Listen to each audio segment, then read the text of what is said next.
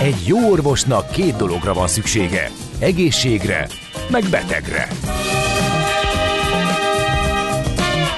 Folytatódik a minden hétköznap reggel jelentkező tünet együttes. Millás reggeli, a gazdasági Muppet Show.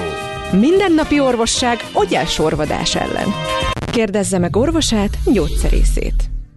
A Millás reggeli főtámogatója a BYD Schiller. A BYD Schiller a Schiller Autó család tagja. Autók szeretettel. A Millás reggeli főtámogatója az idén száz éves Magyar Nemzeti Bank.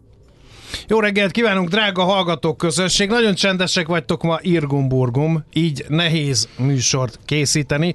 Ha 036-os 980 980 SMS, WhatsApp és Viber számra nem írtok semmit. Egyepen ész, bedobom én a lovak közé a gyeplőt, lehet szóvicceket is írni. Hmm. Csak most, csak itt, csak nekem. Nem mondom, hogy beolvassuk ezeket, de a fáradtság lehet, hogy meghozza a jutalmát. Ez pedig a Millás reggel a Rádió Café 98.0-án Kántor Endre fáradt le már a szóviccek gondolatának én, én említésétől neki, Mihálovics András nem örül neki általában, viszont írnak ám a hallgatók például a Messengeren, azt mondja, nem lebecsülve az Unicredit menedzsmentjének fantasztikusságát, de tudjuk, hogy aki egyszer jó irányba tesz, gurúvá válik, majd a Peter Lynch vagy Warren Buffett szintű idősor lesz mögötte, akkor a törikönyvben a helye. Mi csak felhívtuk rá a figyelmet, hogy van egy pacák, akinek a neve nem pörög együtt ezekkel a nagy gurukéval, akik szoktak mondani, vagy emlegetni, emlegetni, ugye Jeff Bezos például, vagy, vagy Elon Muskot legtöbbször, és mégis elég komoly teljesítmény van mögötte. Erről szólt az előző beszélgetés. Igen, a közlekedési írek se jönnek, pedig lehet, hogy van, mert például a hallgató megkérdezte, hogy a gyorsforgalmin a városba befelé miért áll a forgalom, de én utána néztem itt a térképeken, nem látom ennek egyelőre okát, úgyhogy hát ha közületek valaki meg tudja ezt fejteni, azt nagyon megköszönnénk. Segítsük egymás gyerekek munkacímmel ezt a rovatot, és akkor elindítom itt de most egy fontos és nagyon-nagyon megdöbbentő témát veszünk gorcső alá. Gondok vannak az ivóvíz szolgáltatással ugyanis. Lehet, hogy ezt észre se vettük, de hogy mik ezek a gondok, dr. Jakab Kornél az ÁSZ teljesítmény ellenőrzési igazgatója elfogadta meghívásunkat, és itt van a stúdióban. Köszöntjük körünkben. Jó reggelt kívánunk! Jó reggelt kívánok! Hát Köszönöm először... szépen a meghívást, és köszöntöm a hallgatókat. Igen, először is azt tegyük rendbe, hogy az állami számvevőszéket ott, ö, általában ilyen pénzügyi manőverekkel, ellenőrzésekkel szokták ö, hírbe hozni. Hogy került az ivóvíz szolgáltatás ö, most a célkeresztbe, és miért? Igen, az állami számövőszék 2022-ben egy szervezeti átalakításon esett át, ahol egy új szervezeti egységként megalakult a teljesítményellenőrzési igazgatóság, melynek feladata nem feltétlenül, amire, amire utaltál is, a pénzügyi manővereknek a vizsgálata, hanem inkább a rendszer szintű kérdéseknek, illetve az egyes állami feladatellátáshoz kapcsolódó feladatellátásnak a hatékonyságát, eredményességét nézi, és az ellenőrzéseinek fókuszában ezek a kérdések uh-huh. szerepelnek. Na és akkor az ivóvíz szolgáltatás, egy állami szolgáltatás, így, így került ennek a, a, a vizsgálatnak a sorba, vagy a sorára. Hát elég sok gondot lehet Igen. hallani az ivóvízzel kapcsolatban. Az infrastruktúra az egyik, ugye pont a ma reggeli címlapsztoriban írja 24.hu, hogy előbb-utóbb hozzá kell nyúlni a lakossági vízdíjakhoz is, tehát itt már a vízdiakról is szó van, de lehetett hallani Budapest agglomerációjában arról, hogy hát hogy egyszer nem elég az ivóvíz, és a hálózat maga elavult. Valami egészen elképesztő számot lehetett olvasni, hogy mennyi már tisztított ivóvíz az, ami elfolyik ebbe az egész rendszerben, amit már egyszer kifizettünk, hiszen megtisztítottuk. Így van, így van. A számvőszék az ellenőrzésében megállapította, hogy Magyarországon egyébként minden településen elérhető a közüzemű vezetékes ivóvíz. A háztartásoknak a 97,5%-ában rendelkezésre áll az ivóvíz. A kitermelt ivóvíz mennyisége az mintegy 638 millió köbméter, és ennek mintegy 25%-a ami a vízveszteség. Csak 25 hogy, az, az, igen, az ugye az, így, van, így van, így van. Tehát csak hogy egy kicsit kontextusba helyezzük ezt a számot, ez körülbelül a Balaton vízmennyiségének mintegy 9%-a, de a Velencei tavat három és félszer meg lehetne tölteni ezzel a vízmennyiséggel, vagy ha itt Budapesten ugye minden nap látjuk a Duna arénát, annak a medencéjét mintegy 16.270-szer lehetne megtölteni Jézusom. azzal a víz mennyiséggel, ami valóban a kitermelést követően a csőrendszerben elfolyik. Ez hol? Van egy repedés, egy csőtörés, és nem veszik észre? Vagy szivárog, vagy rossz minőségű a csővezeték, és, és nem törik el, de szivárog? Igen, ez ugye egy, egy összetett kérdés, de alapvetően a csőhálózatnak a minősége az, ami meghatározza, vagy determinálja ezt a vízveszteséget. Ugye mindannyian emlékszünk még akár gyerekként ugye a vidéken élők talán még inkább, hogy még a 80-as években is kutakra jártunk, és Igen, onnan ez a kék színű nyomós vizet. kút, még egy-egy helyen van, lehet találni. Így van, így nem van. mindig működnek, de lehet találni. És a 80-as években épült meg egy, indult meg egy olyan hálózat kiépítés, ami az egyes lakásokhoz jut, vagy házakhoz, épületekhez juttatta el a vezetékes ivóvizet. Ez ugye a 80-as években nagy részt ezekben a bitumen, betoncsövekben kerültek kialakításra a gerinchálózatok, a házakhoz pedig ezek a műanyag csövek kerültek bevezetésre. Nos, ezek a csövek úgymond az élettartamuk végére értek, és nagyon sok esetben már akár csak a szivárgások, hiszen ha van egy csőtörés, annak látható nyomai vannak, ott be lehet avatkozni, de ezek a szivárgások, amik például itt a műanyag csöveknek az összeeresztésénél keletkeznek, vagy akár a nagy gerincvezetékeken, a betoncsöveknek a, a, ö, a Hát ahol össze van kötve, ugye, ahol le, van. leágazik az összes, igen. Így van, így van. Azoknál lévő repedéseken szivárog el ez, a, ez az óriási mennyiségű. Uh, hol a legrosszabb a helyzet? De várj, itt, itt, szerintem várom. érdemes odafigyelni arra, hogy um, szerintem ez a mennyiség, ez a lakossági fogyasztó előtt szivároghat el, mert ugye utána az már a vízóra szerint ki van számlázva, tehát azt nem is tudjuk, hogy azokból a problémákból, ami a vízóra után van, ott, ott mennyi szivárgás van, az már ugye ki van fizetve, kifizette a lakosság. Ez előtte történik. Igen, igen. Tehát itt nagyon fontos, hogy ez a szám, ez a 25 százalék, ez a KSH adatai alapján, uh-huh. KSH mérése, illetve adatszolgáltatások alapján került meghatározásra, amely a kitermelt víz és a kiszámlázott víz közötti uh-huh. különbözetet mutatja. Uh-huh. Hol a legrosszabb a helyzet? Hol vannak legjobban előregedve a vezetékek? Hát, azt fel lehet-e mérni? Igen, igen, igen. Természetesen ugye a, a csőtörések száma azért enged következtetni arra, hogy, hogy hol van a legrosszabb állapotban a vízhálózat. Ez talán az észak-magyarországi régióban határozható meg. Itt a vízveszteség 40 és 50 százalékot is eléri. Tehát ez a 25 százalék, ez az országos átlagot uh-huh. És van, ahol jobb a helyzet, van, ahol, ahol Így rosszabb van. értelem. Hát egy gazdag ország vagyunk. Tehát, Igen, miközben ugye az ivóvíz stratégiai termék, mindig azt mondják, hogy ez lesz a jövő aranya, ehhez képest nálunk ilyenek a, a veszteségek. És akkor még nem beszéltünk arról, hogy ugye ezek az előregedett rendszerek, ugye ezek a bitumenes csövek, amiket említettél, uh, ezek, uh, ahogy öregednek, gondolom, uh, szennyezik is az ivóvizet. Ennek uh, lehetnek kockázatai? Ugye a vízszennyeződés esetében e, meg kell különböztetni kétfajta e, szennyeződést. Az elsődleges és a másodlagos e, vízszennyeződést. Az elsődleges szennyeződés az ugye a vízbázisokat érinthető szennyeződés. Itt ugye ami az arzén, fluor, típusú szennyeződések, amelyeket a megfelelő szűrésekkel ki lehet a vízből vonni, és ezáltal egészséges ivóvizet kitermelni. A másodlagos szennyezős, szennyeződések azok, amik már a hálózatnak a, az állapotából következnek. Itt ugye elég csak arra gondolni, hogy ha van egy csőtörés, akkor ott az a zárt rendszer, amiben a, a vízszolgáltatás működik, az úgymond léket kap, és ott lehetőség van a földben lévő szennyeződéseknek a bejutására. A hálózatba, és így különböző biológiai szennyeződések is bekerülnek a hálózatba. És a másodlagos vízszennyeződés az amikor e, helyreállításra kerül a csőtörés, akkor utána egy fertőtlenítést kell a teljes e, hálózatban végrehajtani, és nagyon sokszor a fogyasztók azt, ezt a, azt tapasztalják, hogy ekkor barnás színű vagy túlzottan klór ízt éreznek a, a, a vízben, és ez ebből adódik, hogy a folyamatos tisztítási tevékenység miatt, amit a cső, csőtörések miatt kell végezni, emiatt érzékelhetnek uh-huh. ilyen másodlagos vízszennyeződéseket.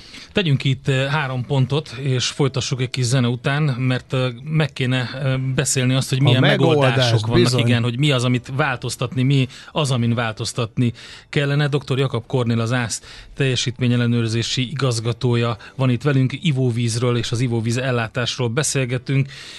Hát egy idevágó zene, akkor Joshua Marshall lemeze tavaly jelent meg szeptemberben, és a vízzel foglalkozik ez a szám is. A jó minőségű élelmiszer nem más, mint olcsó egészségbiztosítás. Millás reggeli. Folytatjuk a beszélgetést akkor Jakab Kornél az ÁSZ teljesítmény ellenőrzési igazgatójával, aki pedig nem hallotta volna az a témánk, az ivóvíz milliárdok és írtózatos mennyiségű tiszta ivóvíz folyik el a rendszerből. Ezt az első körben kibeszéltünk, most mozduljunk el a megoldás irányába. Uh, hogy lehetne ezt az egész helyzetet megoldani? Mert az nyilván nem jó megoldás, hogyha minden víziközmű társulat maga kezd el forrás gyűjteni, mert az nem olyan hatékony, mint hogyha ezeket mondjuk központosítva és célzottan, ahol a legrosszabb a helyzet, ott használnak fel. Még csak egy gondolattal visszakanyarodva az előző témánkhoz, azt mindenképpen fontos leszögezni, hogy biztonságos a hazai ivóvízellátás. Tehát mind az ivóvízellátás eljuttatása a fogyasztókhoz, mind annak a minősége egy nagyon részletes monitoring rendszer alapján kerül meghatározásra a minőség, és ennek megfelelően folyamatosan figyelik és biztosítják a megfelelő mennyiségű és minőségű ivóvizet. Ha nem így lenne, az viszonylag hamar kiderülne, mert az érintettek biztos így nagyon van, hangosak így lennének. Van, igen. Van. A megoldási lehetőségekre visszatérve azt tapasztaltuk a, az ellenőrzésünk során, hogy a jogszabályok világosan meghatározzák, hogy kinek mi a feladata az ivóvíz termelés és a, a, a, az ivóvíz szolgáltatása során, viszont az egyes szereplők egymástól elkülönülten végzik ezt a tevékenységet. Tehát úgy látjuk, hogy szükség volna valamilyen koordinációs testület létrehozására akár, akik akik úgymond felülről látják a folyamatokat az ivóvízágazatban, és akár az egymás működé, az, az egymás, az egyes szereplők működése során jelentkező párhuzamosságokra ráirányítják a, a figyelmet, és ezáltal hatékonyabbá lehetne tenni a működését ennek, a, ennek az ágazatnak. Elég csak arra gondolni, hogy a belügyminisztérium irányítása alá tartozik az ivóvíz kitermelés, illetve majd később a szennyvízkezelés, de a közte lévő időszak, amikor mi használjuk a, a, az ivóvizet, vagy a kitermelt vizet, az már több szereplőt, más minisztériumokat, más intézményeket is érint.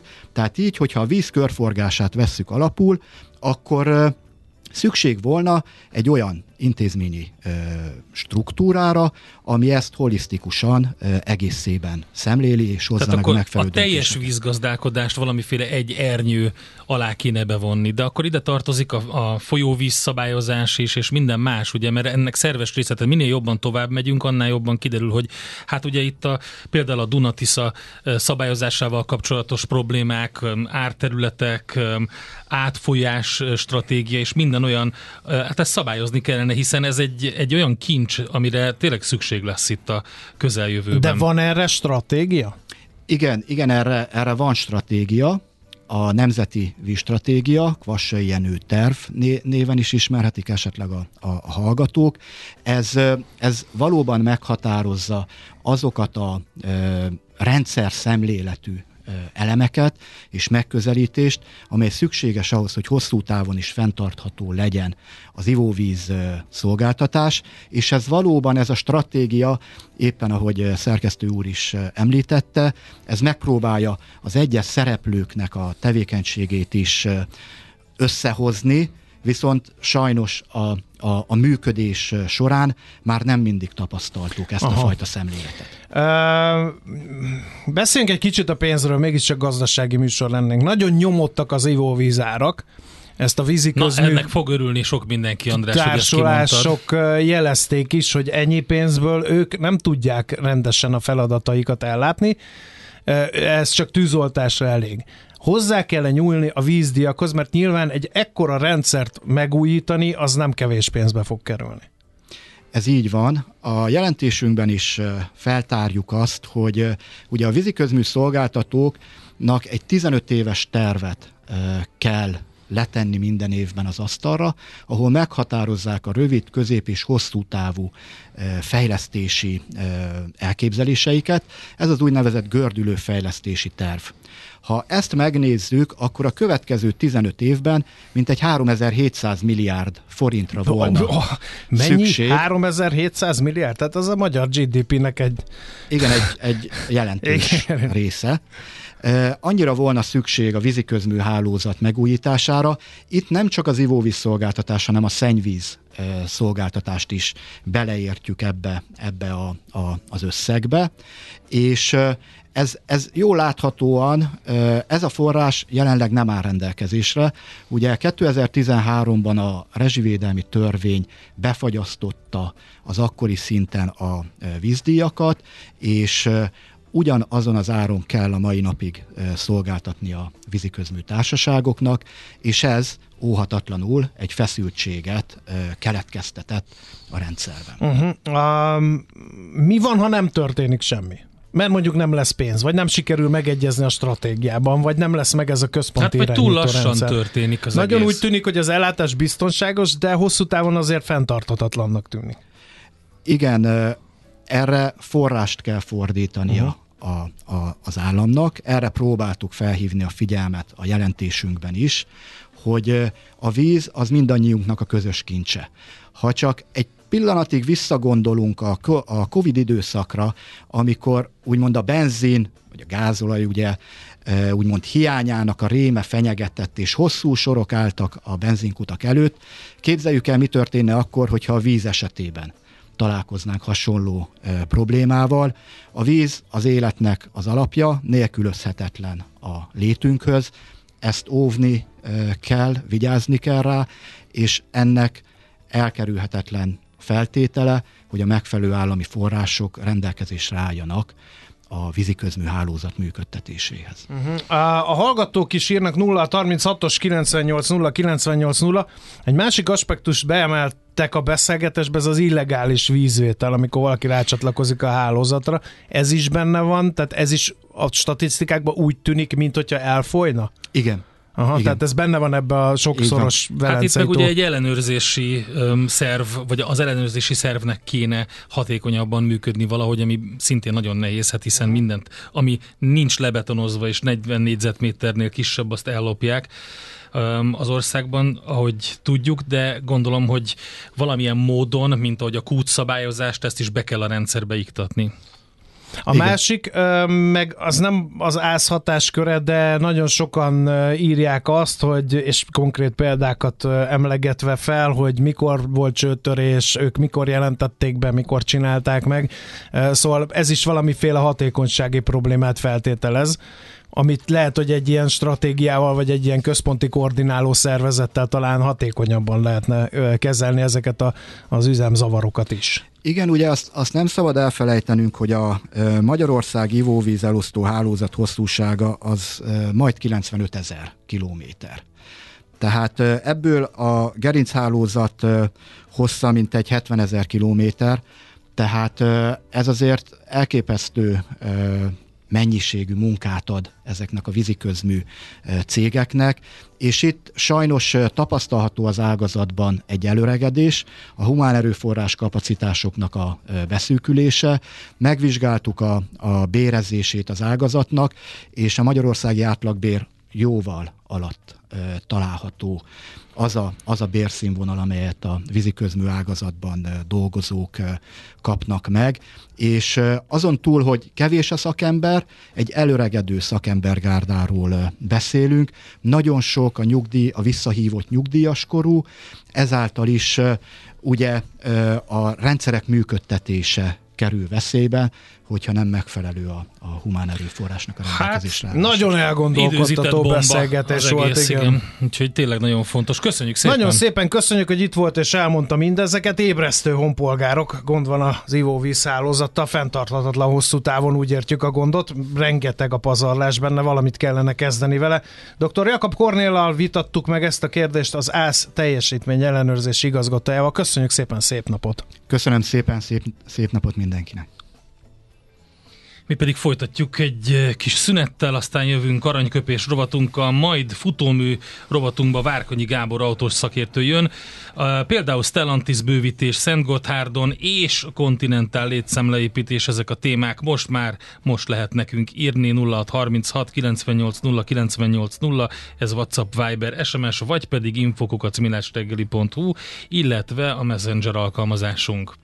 Litkai Gergely vagyok, és önök a Rádió Café 98.0-át hallgatják, de hogyha nem tudták volna, hogy ennyi, akkor nem tudnák hallgatni. Jé, hát ez meg micsoda? Csak nem. De, egy aranyköpés. Napi bölcsesség a millás reggeliben. Hm, ezt elteszem magamnak. Galileo no, Galileiről igen, fogunk beszélni. Mert hogy 460 éve született a nagy megmondó Hol? ember. Hát tudom, én nem voltam a ott. Istenem, Pízában. Ezt se tudtad? De azt tudtam. Pisa, Fiorentina, ugye, 0-0X. Ez, ezt tudom. Így van. Na, azt szeretném mondani, hogy András? Galilei, aki 460 éve született, felkészült a futómű rovatunkra a következő azt mondással. Mondta, nem azt mondta. Te vagy a magyar hangja, vagy én? Ne beszéljünk Jó, egyszerre. Na, akkor mondjad te. Nincs szánalmasabb látvány, mint amikor nyilvános viták alkalmával, bár bizonyítható állításokról van szó, valaki hirtelen előrángat egy régi, gyakran még valami más tárgyra is vonatkozó idézetet, és ezzel betömi ellenfelének száját. Mondta ezt Galilei, aki az 1633-ban oda ment az inkvizíció, bekopogtak, és, azt mondták, hogy, hogy volt. Galilei úr, eh, legyen szíves ezt visszavonni a nézeteit. Mert különben mi lesz? Hát megégetjük mágián, meg ilyen apróságok, akkor visszavonom. De aztán később azt is mondta, hogy e pur si move, vagyis és mégis mozog a föld.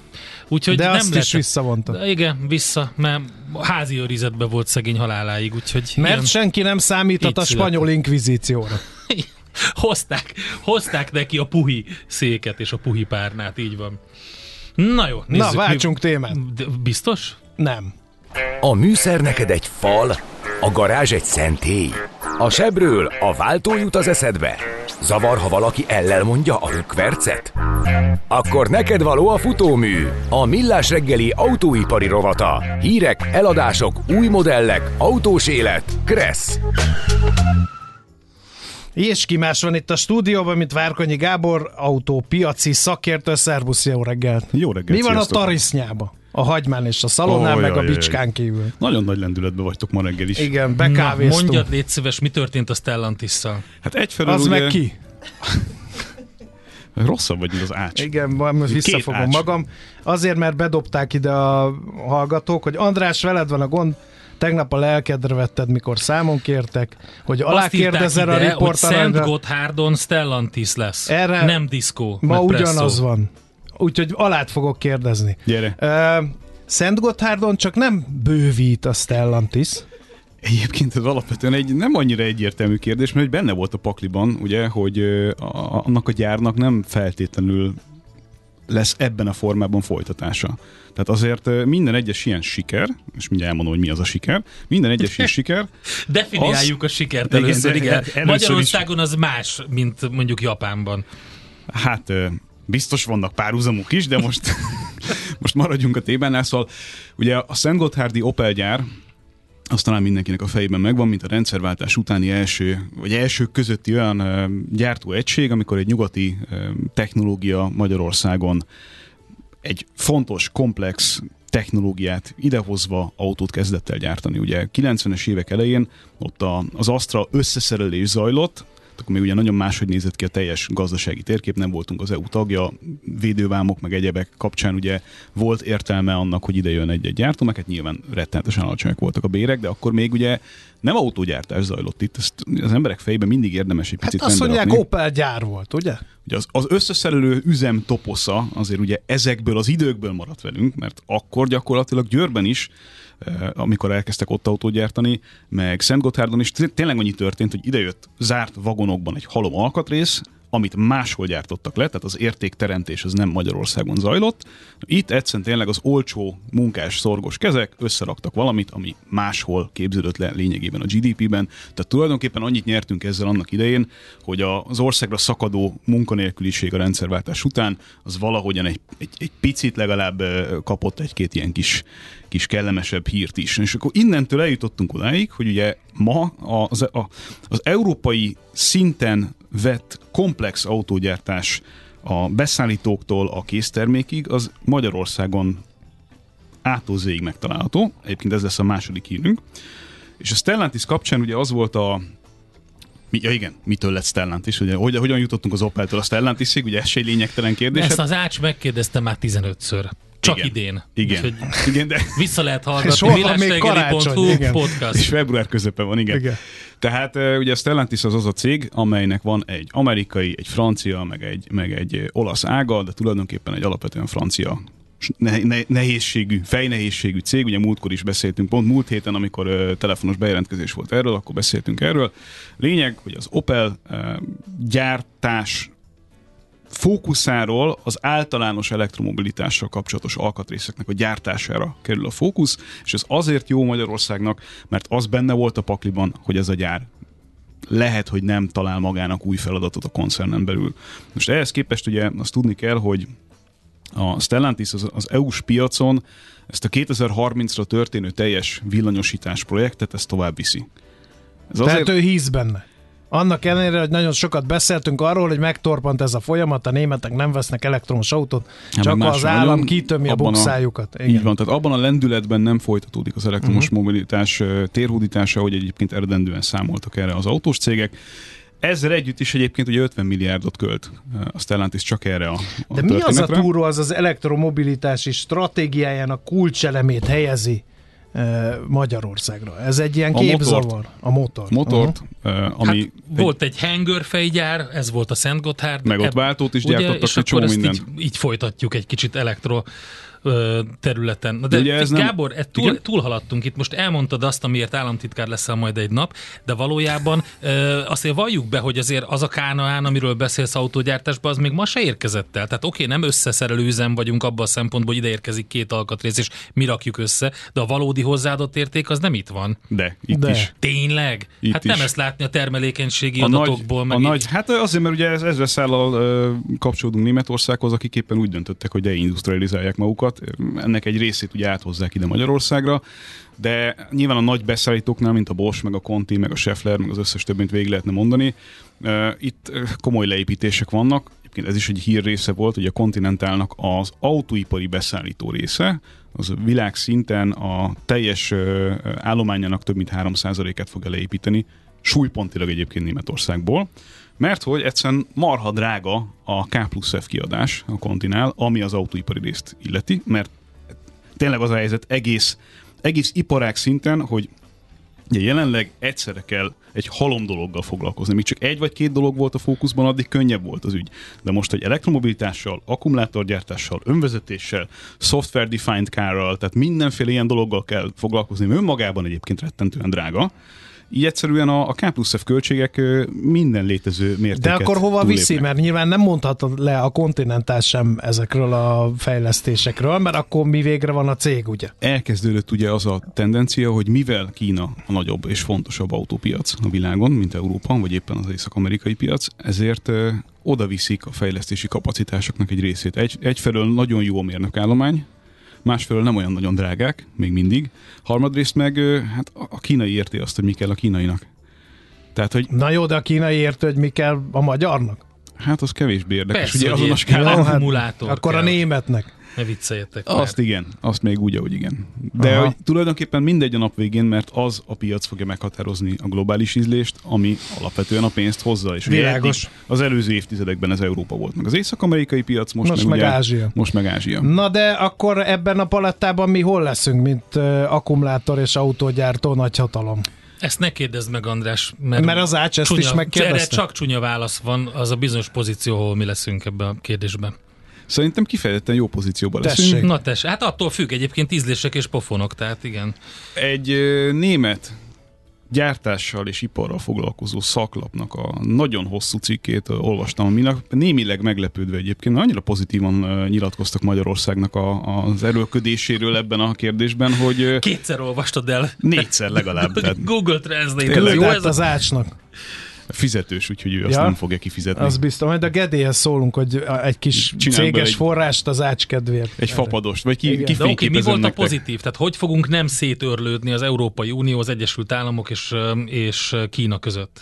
Az volt az alapvető, a kulcs, meg, a mag megállapítás, ha lehet ilyet mondani, hogy Magyarországnak úgy tűnik, hogy hamarabb sikerül valahogyan átvezetnie magát a klasszikus gyártás irányából a digitalizált és elektrifikált autógyártás teljes értékteremtő láncának a, a működtetésére ország szinten, mint az összes többi, bocsánat, az összes többi országnak Európában. Az ez egy elég erős kifejezés, Hát szerintem. szerintem sokat itatták valamivel ezt itt a várban, ezt a pacákot. Én értem, hogy te ezt nem szereted, ettől még, Meg a, nem felol- szeretem, csak ettől még a tény, azért, azért, ettől még a ilyen- tény az tény. Hát te Tehát is négyszer olvastad el. Megint felolvassam a galilei mondását?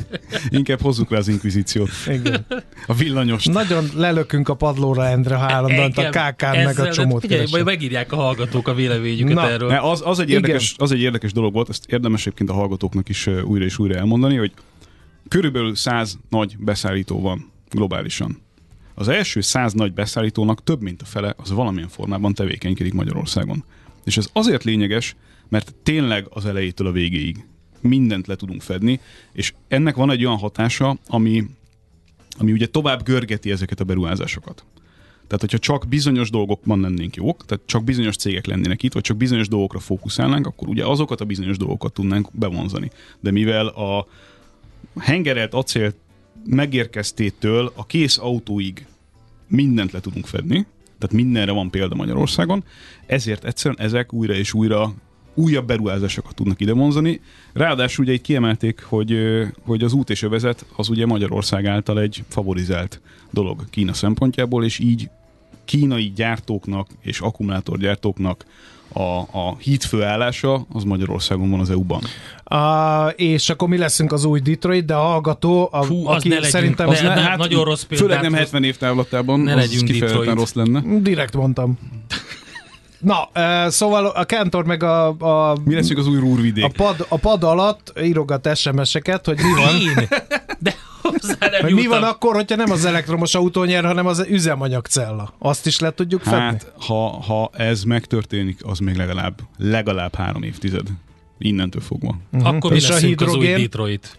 Ez ugye tulajdonképpen ugyanarról beszélünk. Igen, Tehát akkor Csak jó. ugye a hidrogén felhasználása is többféleképpen lehetséges. Tehát a hidrogént lehet az autóban arra használni, hogy áramot állítsunk elő, meg lehet arra használni, hogy ugyanúgy elégetjük, mint ahogy az üzemanyagot. Mind a kettő végén lényegében ugye károsanyagmentesen fogunk közlekedni. A hidrogén az egy, az egy rendkívül megosztó tematika, és nem tudom, hogy erre egyébként az országnak van-e bármifajta stratégiája. Van. Beszéltünk róla. Igen, de hogy ez nagy Már skálán... hogy beszélnek róla, hogy legyen stratégia. Igen. Igen, Igen. Itt tartunk. Itt tartunk. Ugye egyesek szerint minden egyes forint, amit erre költünk, az kidobott pénz, vagy minden egyes euró, vagy minden egyes dollár. Hát hívják mindegy. fel Toyota urat. Ugye ő mindenre van gondol. stratégiánk, tehát rövid távon azt mondjuk, hogy csináljuk, gyerünk, hajtsuk, gy- gyorsan csináljuk. És amikor kiderülnek ezek a mérgezések, most már ugye a második gyárnál, akkor hát na, erre nem volt stratégia, ezt, ezt, ezt benéztük, majd lesz valami. Hát figyelj, ez ilyen. Rövid távon nyerni fogunk Endrét ezzel. nem fogod megnyerni az autóipar legnagyobb hazai apostolának, ez biztos, viszont még... Nem, én a lila ködből szeretnék kilátni. Tehát amit itt elmondtál most, az azt jelenti, hogy de az szuper. a lila köd. Hát, hát az ezek a igen. nézd meg Milyen körül. tények? Ez Hát egy vélemény aut- volt, amit a Gábor itt vázolt, Nem. az egy autóipari Ja. szakértőnek a véleménye. És mi van, ha nem? Te melyik lila ködben vagy egyébként? Hát én nem, én nem lila ködben, én csak felteszem a jogos kérdést. Tehát hogy azért itt azért van egy csomó olyan dolog, amire nem, nem volt válasz. Nézzük Persze, de a ezek azok- létszámleépítéseket, vagy ki fog ezekben a, a gyárakban dolgozni. Most egyszer a kettőt? Hát még egyszer az egész azért, hogy is mondjam, nem egy ilyen gyönyörű szép jövőt vázol fel. Hát az ipari tevékenység az mindenhol jár szennyezéssel, mindenhol jár problémával, mindenhol jár olyan dolgokkal, amiket utána évtizedekkel később meg És a kell oldani. Majd ugye a... Hát a munkaerő az megint egy olyan ügy, ez, ezek teljesen jogos kérdések részedről, az megint egy olyan Na, ügy, tessék, amivel, András, ne amivel, dumálj. amivel kell számolnunk, mert hogy hát meg ugye az energiállátás, azt se felejtsük el. Bizony. Tehát ha csak azt nézzük, hogy ugye a debreceni beruházások, önmagában csak a debreceni beruházások, azok milyen áramfelvétellel járnak, itt ö, ezekre a dolgokra választ uh-huh. kell adni, mert hogy egyelőre azért ezek, főleg ha még jönnek egyébként emellé beruházások, akkor az ugye egy kritikus Igen. pontot fog elérni. Azért hozzuk a meglepetés hírt neked, hogy a villanyautó szó még nagyon sokszor elhangozzon a Na. műsorban, mert ez a gumicicád, és a hallgatók szeretik, amikor te rágódsz a gumicicádon. Szóval mit szólsz ahhoz, hogy olcsó villanyautót hoz Európába a Hyundai? Hát majd látjuk meg, lássuk meg, hogy mi, mi lesz Mert az, az azt olcsó. mondtad, hogy azért nem terjed a villanyautó, mert nagyon drága, csak Addig- állami támogatással veszik Figyelj, meg a nem, nem, nem, nem, egészen. Az A- olcsón indul el, csak amíg ide ér, addig megdrágul. Azt majd meglátod. A, a villanyautónál van egy pont, ahol teljesen mindegy, hogy mennyibe kerül, mert ha nem tudod használni arra, amire szeretnéd használni az autódat, akkor adhatják ingyen is. Tehát, hogy van egy, van egy árugalmatlanság a kérdésben. Nyilvánvalóan a terjedés sebességét, azt alapvetően az árak csökkenése és az infrastruktúra kiépítése fogja befolyásolni a nap végén. De most tényleg ott tartunk, bá- bármilyen elemzést nézzünk meg, tehát a Wall Street Journal-től kezdve a Business Insider-en át mindenki erről ír, hogy megtorpantunk, ami várható volt. Tehát amit, amit itt sokszor elmondtam az elmúlt években, az early adopter, a felső középosztálybeli, az, aki szerint ez divat, az, aki szeretne egy villanyautóval közlekedni, az megvette az előző években a villanyautóját, és most szembesül az értékvesztési kérdésekkel, most szembesül olyan ügyekkel, hogy az infrastruktúra az nem halad abban az ütemben, ahogy haladnia kéne ahhoz, hogy ez minél több mindenkinek elérhető legyen. És a tömeg számára, pláne az olyanok számára, akik nem tudok, akik nem tudok otthon tölteni, ez még mindig egy problematikus ügy, és emiatt láttunk olyan dolgokat, hogy azok az autógyártók, akik belső égésűt is gyártanak, azoknak dupla időt kell arra fordítani, tehát, hogy mondjam, a, a, a gyártást átszervezve kell további erőforrásokat arra allokálni, hogy a belső égését tudják gyártani, miközben a, az elektromobilitással kapcsolatos gyártási egységeknél meg le kell húzni a termelékenységet, mert egyszerűen nem tudja fölvenni a piac ezt a mértékű villanyautó áradatot. És a java, idézőjelben az még csak most jön, mert hogy a nagy modellszám, amit rá fognak ereszteni a piacra, a második, harmadik generációs villanyautózás, főleg azok, amik egy kicsit olcsóbbak tudnak lenni, mint az eddigiek, meg mondjuk hatótávban elérik azt, ami már izgalmasabb, azok most fognak jönni. Mitől lesz Magyarországon töltési infrastruktúra? Teszi fel a kérdést Kántor Endre padalól. Láttam, hogy ott pötyög. E, Válaszoltam a Messengeren egy kedves hallgatónak, aki um, elmondta, hogy megfigyelte, hogy szinte fáj, hogyha véletlenül pozitív híreket hallunk. Az fel, Hát kell, neked. fel kell világosítani, hogy a, a szkepticizmus és a megkérdőjelezés az nem egyelő a fájdalommal.